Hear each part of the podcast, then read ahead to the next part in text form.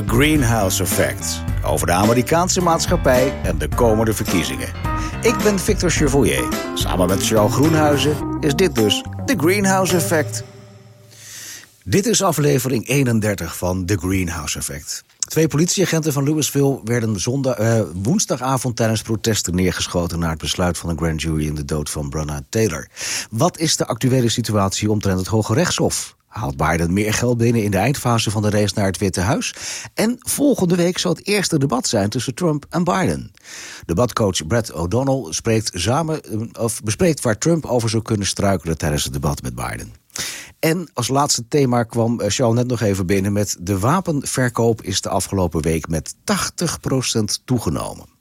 En het lijkt erop dat deze verkiezingen meer jongeren dan ooit naar de stembus gaan. Um, Charles, goeiedag. Um, Hallo daar. Begin het, ja, we hebben weer veel te veel. Hè? Dus we zijn ooit begonnen aan het begin van het jaar. Maar dat het zo extreem zou zijn, hebben we nooit durven voorspellen.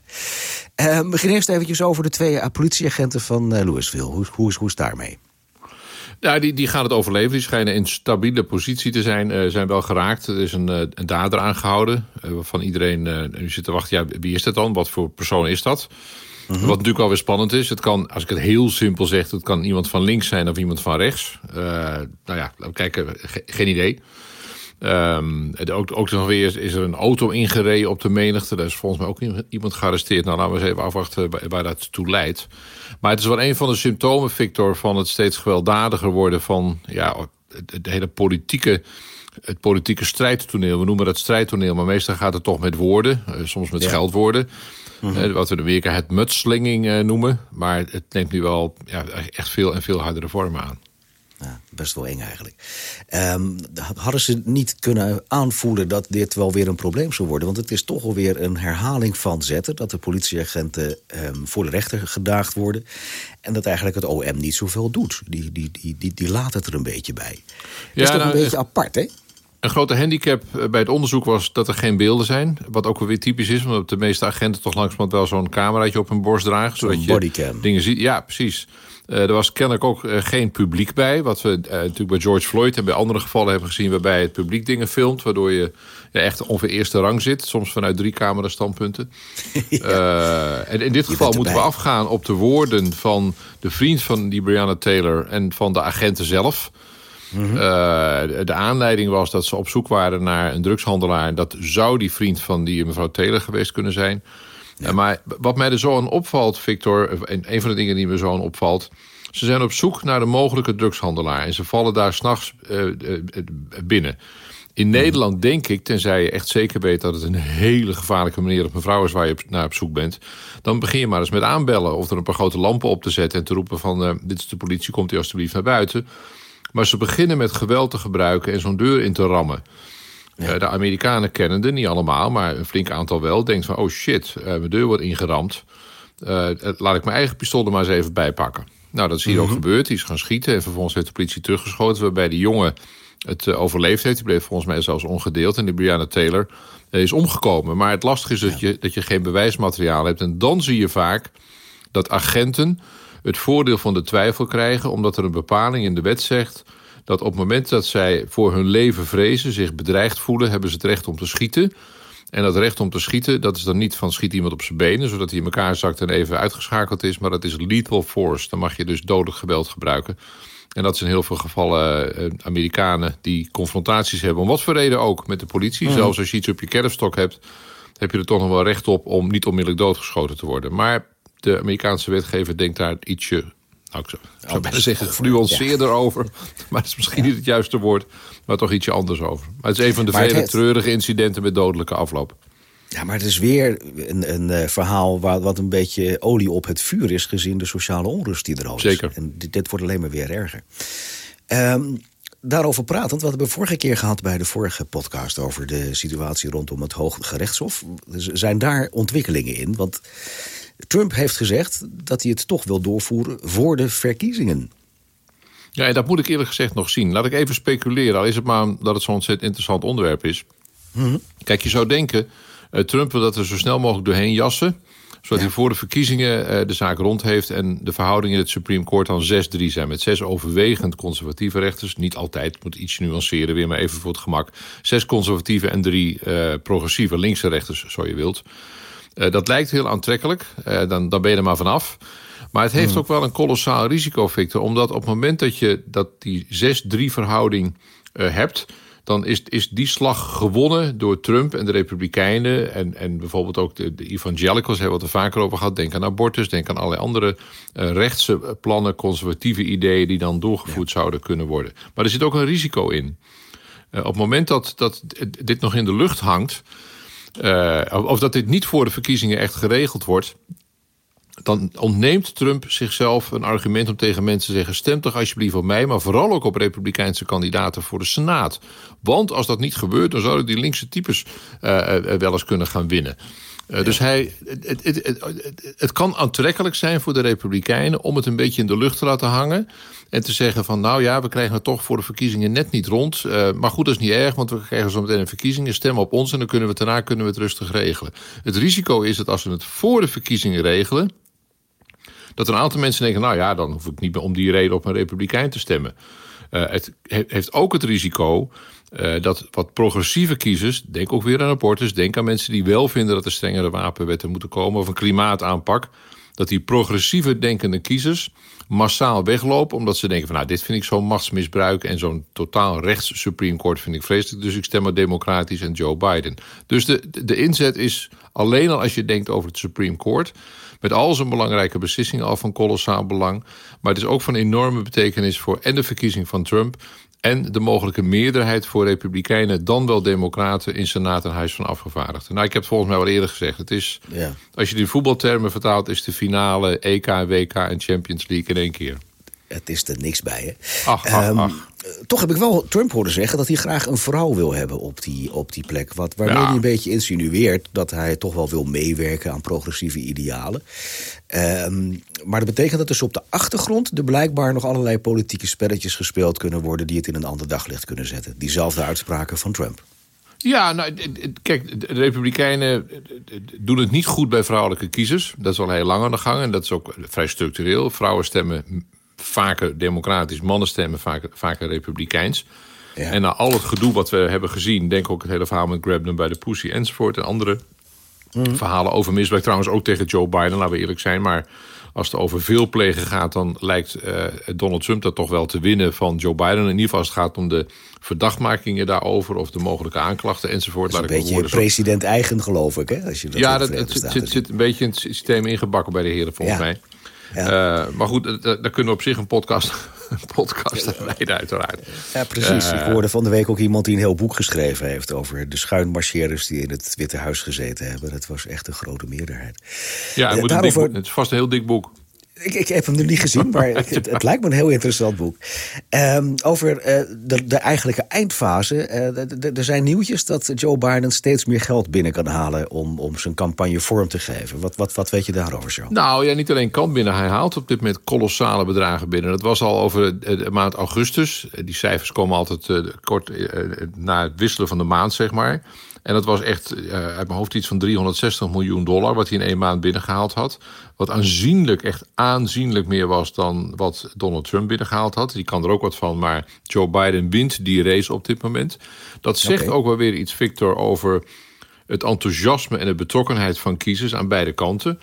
Uh, Maar republikeinen moeten hier toch enigszins ja, toch met gefronste wenkbrauwen naar kijken. Want als dit een structureel patroon wordt, dan kan Biden doen wat hij graag wil doen. Namelijk ook in staten actief campagne gaan voeren. Waarvan hij denkt van nou, misschien kan ik het daar net redden. Kijk, in New York of Californië of Massachusetts zal Joe Biden uh, niet gaan adverteren. En Trump zal niet mhm. gaan adverteren in Kansas, uh, uh, Arizona misschien wel. maar in, in een aantal echt altijd rechtsstemmende staten. Mhm. Arkansas, Kentucky enzovoort. Nou ja, daar is Biden kansloos. Maar wat Biden zou kunnen gaan doen in een aantal swing states... en als je het een beetje breed neemt... daar nou eens actief campagne gaan voeren... op grote schaal adverteren, ga er een paar keer langs... en dat kan de Trump-campagne nou, in de problemen brengen, maar op zijn minst onder grote druk zetten. Want dan moeten ze wel reageren. Als ze daar vervolgens te weinig geld voor hebben, kan dat geld gaan kosten in andere swing states. Dus het is voor een deel het is een race naar het Witte Huis. Maar de race naar het Witte Huis is al heel lang geplaveid met de good old US dollar. Ja, leuk is dat. Volgende week zou trouwens het eerste debat zijn tussen Trump en Biden. Ehm, heb jij enig idee uh, wanneer dat precies is en of wij dat hier ook live kunnen volgen in Nederland? Ja, dat is dinsdagnacht. Drie uur Nederlandse tijd begint het. En ik ken toevallig een van de presentatoren die het op de Nederlandse televisie gaat presenteren. Heel toevallig. Oh, vertel. Wie is dat? Ja, ja, we gaan het vanuit de redactie van Op 1... gaan we alle drie de debatten live verslaan. Oh, leuk We beginnen al een, uh, ruim een half uur van, van tevoren... met uh, een aantal gasten in de studio gaan we praten over... Nou, wat gaat er gebeuren. Of is niet de vraag of Charles Groenhuizen daarvoor opblijft? Uh, nee, want hij zit in de studio. ja, precies. En uh, ja. nou, we zijn met gasten bezig. Gisteren even kijken of het allemaal uh, rondkomt en echt gaat gebeuren. Wat ik wel erg interessant vind, Piet Hoekstra heeft zich gemeld, de Amerikaanse ambassadeur. En uiteraard oh, ben toch wel een fan van Donald Trump, mag je aannemen. dus ja. daar zijn we nu over aan het praten of het allemaal doorgaat. Even kijken of het lukt. En dus met een aantal andere mensen. en daarna gaan we nog weer drie kwartier doorpraten. En tijdens is de, zijn we nu proberen om dat technisch voor elkaar te krijgen. Tijdens het debat kunnen we vanuit de studio kunnen wij al wat eerste commentaren roepen van... nou, dat heeft die Biden wel heel goed gedaan of niet. Of uh, de jonge jongen, nou, dat was een raker van Trump. Of jonge jongen, ja. nou, enzovoort. Dan kunnen we gewoon een beetje ja. af de kaf... zeg maar uit de losse pols kunnen we al dingen wat roepen... wat we vinden of wat wij aan tafel tegen elkaar zeggen... als we zitten te luisteren. En het is natuurlijk, Victor, uh, in, in een gegeven situatie... ook met het feit dat we toch met twee bejaarde heren te maken hebben. En beide mm. heren met nogal wat tekortkomingen. Ja. Uh, in allerlei opzichten. Uh, wat dat zijn het, zoals we in coronatermen zeggen... alle twee bejaarden met onderliggend leed. maar, uh, ja. Op, op hele verschillende terreinen. Maar bij, met name bij, bij Biden geldt toch wel heel erg de vraag... is die fit genoeg? Ja. Uh, en hij, hij, Trump heeft er ook al over gezegd. Nou, heeft, heeft hij ze eigenlijk allemaal op een rijtje. Ik zeg het een beetje onbeleefd, maar daar kwam het toch wel op neer. Neemt hij medication om een beetje helderder te worden enzovoort. Dus er zal heel erg, behalve op de inhoud... zal er heel erg gekeken worden naar de performance van beide heren. Dat geldt voor Trump ook. Dat is ook een man van 74. Ja. Ja. Uh, die moet anderhalf uur... dan moet je toch op het top van je kunnen... moet je een verhaal vertellen. Van deel groot deel geïmproviseerd. Ja, maar afwachten wat er gebeurt dan. Ja, ja de, de, toon is cruciaal. De, A, ja. hoe, houden ze, hoe houden, ze het overeind, zou ik maar zeggen. Maar ook de -hmm. toon die gekozen wordt door beide heren... is wel buitengewoon cruciaal. En dan zal er, denk ik, toch een groot verschil zijn. Ja, Trump is Trump, dat weten we. Uh, en ja. ik, ik, ik denk dat Biden het advies van zijn eigen mensen krijgt... van alsjeblieft, vertel gewoon je eigen verhaal. Laat je niet gek maken. Zoals Hillary zich elke keer in 2016 toch weer door die Trump gek liet maken. Ze werd gewoon boos ook... Dat, dat mm -hmm. stopte ze dan af en toe wel netjes weg. Maar die boosheid dreef er wel in de richting van... alsmaar blijven reageren op wat Trump zei. Terwijl je moet, een beetje als Mohammed Ali... kun je die herinneren, de bokser... Ja. Die ja. een ware meester was in een aantal dingen... maar hij was ook een ware meester in het voortdurend uitdagen van zijn tegenstanders. Hè, met dat half wegdraaien, een mm. beetje lachen. En zei, nou, kom dan maar, kom maar, kom maar, kom maar, kom maar. Nou ja, en uiteindelijk kreeg hij er wel een paar dreunen natuurlijk. Maar het gevolg was meestal ook dat, dat die tegenstander alsmaar bleef proberen hem te raken. Die zo moe werd dat op een beslissend moment Muhammad Ali... dat was dan tegen de George Foremans en Joe Frazier's van deze wereld... meedogenloos uithaalde en was het gevecht voorbij. Nou, dat, dat, die methode moet volgens mij Joe Biden gaan gebruiken, ontwijken... Uh, niet voortdurend op alle beledigingen en onwaarheden ingaan... maar dan word je een zeurpiet en een zeikert. Ik zeg het even op zijn Hollands. Ja. Maar hou je eigen verhaal en haal op een beslissend moment meedogenloos uit. Maar goed, ik weet niet of Biden dat kan. Reuze spannend. Dat, dat, dat klinkt inderdaad als een advies aan uh, Joe Biden. Um, als ik hem mag omkeren, wat zou ja. jouw advies zijn voor Donald Trump... in dat debat van de aankomende week? Nou, dat, dat, geef ik graag, maar bij voorbaat is het een totale zinloze exercitie... want uh, het adviezen geven aan Donald Trump, die volgt hij toch niet op. In mijn geval zeker niet, uiteraard. ja, maar, maar stel, ik, dat, hè, stel, stel, dat. stel dat ik in, in ja. de staf zat die hem voorbereidt uh, op een debat dan zou ik denk ik nu buitengewoon ongelukkig uh, voor me uitzitten te kijken. Omdat uh, Donald Trump waarschijnlijk heel weinig uh, advies tot zich zal nemen. Weinig zal oefenen. De weinig, misschien dat hij nu een uitzondering maakt omdat de adviezen ontzettend, omdat het zo belangrijk is. De inzet zo kolossaal is. Maar mijn advies zou, aan Trump zou zijn probeer toch ook iets meer in zo'n debat naar het midden toe te kruipen. Dat heeft hij tot nu toe, dat weten hebben we veel in deze podcast besproken, voortdurend toch naar die, die harde kern aan de rechterkant. De evangelicals, de echt puur conservatieve, de wapenlobbyisten enzovoort. Die groep heeft hij voortdurend bediend. Uh, daar, daar kruipt hij voortdurend bij op schoot. En we weten allemaal, als je naar de opiniepeilingen kijkt... en die zijn eigenlijk opvallend stabiel... dat Trump gewoon 6, 7, 8 procent... hangt een beetje vanaf waar je kijkt, achter ligt. De approval rating van de president blijft echt belabberd laag. Dat is nu al vier jaar het geval. Dus hij moet een nieuwe groep kiezers aanspreken om dat gat van 7, 8 procent, en laat het nou 6 procent zijn, want mensen zeggen, ja, maar die opiniepeilers zitten er wel eens naast. Ja, maar het is nu wel heel structureel en heel stabiel, dat patroon waarbij Biden echt dik voor ligt op Trump. Dus mijn advies aan Trump zou zijn, en als hij mijn advies ooit zou horen, dan zou hij echt in lachen uitbarsten van wat verbeeldt hij, Groenies, zeg eigenlijk wel. Uh, maar zou ik adviseren, probeer wat naar het midden toe te kruipen. Daarmee zou je ook, dat zou een tactisch voordeel kunnen zijn... zou je Joe Biden kunnen verbazen.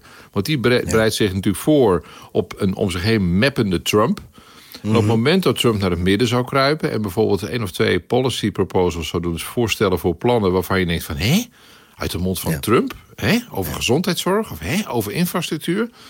Uh, noem maar wat. Of, hè, uh, dan, kun je, dan zou, je, zou je Biden uit zijn spel kunnen halen. Waar het steeds op aankomt in zo'n geval... is probeer de tegenstander op een vriendelijke... en misschien zelfs enigszins ongemerkt om niet te verstoren. Zoals in een voetbalwedstrijd je mensen kunt storen zeg maar, in hun spel.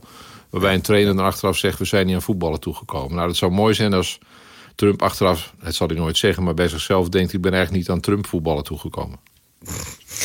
Als je daarna kijkt naar het aantal mensen wat gaat stemmen... dan zou dat ook ongekend hoog zijn, begreep ik. Uh, met name jongeren die eigenlijk nooit naar de stembus gaan... zullen deze keer wel bereid zijn om naar de stembus te gaan. Zijn dat overwegend republikeinen of zijn dat overwegend democraten? Nou, er komt natuurlijk uit beide partijen. Ehm, maar waar we nu naar kijken, en dan spelen ook die poststemmen wel een grote rol. Wat ook een rol speelt, is dat in een aantal staten, bijvoorbeeld in Virginia, wordt op dit moment wordt al gestemd. Je kunt gewoon al naar een stembureau gaan op bepaalde mm. tijden. En er zijn regels voor. En dus niet alleen op 3 november, zoals wij op de verkiezingsdag keurig naar het stembureau gaan, of met volmacht stemmen op een andere manier. Uh, maar er wordt op dit moment in, in, een groeiend aantal staten wordt er al effectief gestemd. Daar is veel belangstelling voor. Er is nog heel veel meer belangstelling uh, voor dat poststemmen. Het aantal aanvragen daarvoor is recordhoog. En de dynamiek daarvan, Victor, kennen we eigenlijk niet. Ja, we weten hoe in het verleden het patroon van poststemmen is geweest. En dat hangt een beetje vanaf naar welke staat je kijkt. Maar als je dat heel beetje van een afstand bekijkt... dan maakt dat eigenlijk niet zo gek voor uit. Dus dat wel een beetje 50-50.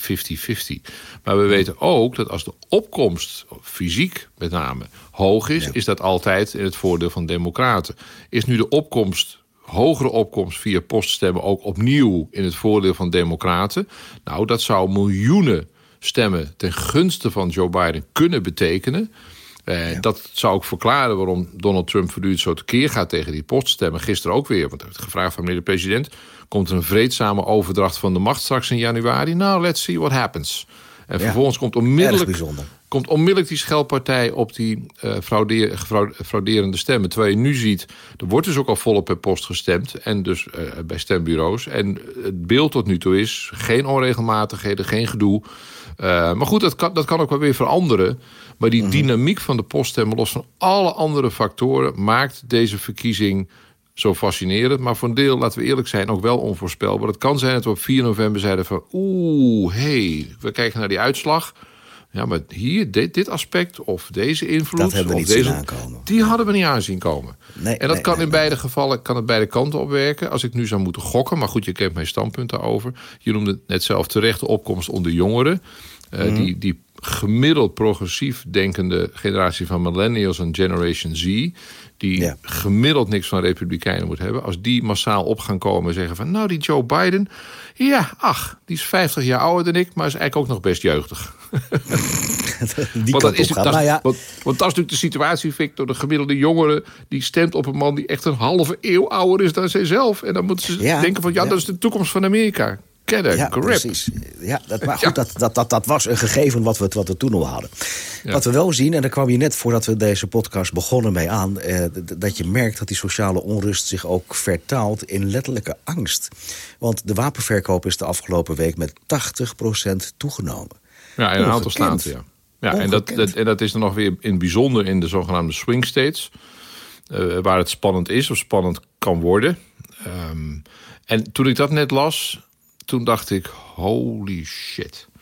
Want hmm. voeg daarbij de uitlatingen nu nog weer gisteren van Donald Trump. Vreedzame overdracht. Wow, laten we eens even kijken hoe het gaat. Ja, precies. Voeg daarbij de milities die we ook meer dan eens in deze podcast besproken hebben. Voeg daarbij ja, de toch diep gewortelde weerzin bij rechts-Amerika tegen de veranderingen die Joe Biden zou willen. En de veranderingen die gaande zijn in die samenleving. Ook dat hebben we besproken. Denk aan de, het verkleuren van Amerika. Het, eh, steeds grotere minderheden. Steeds meer Amerikanen met een kleurtje. Blanken die langzamerhand in veel gebieden in de minderheid raken.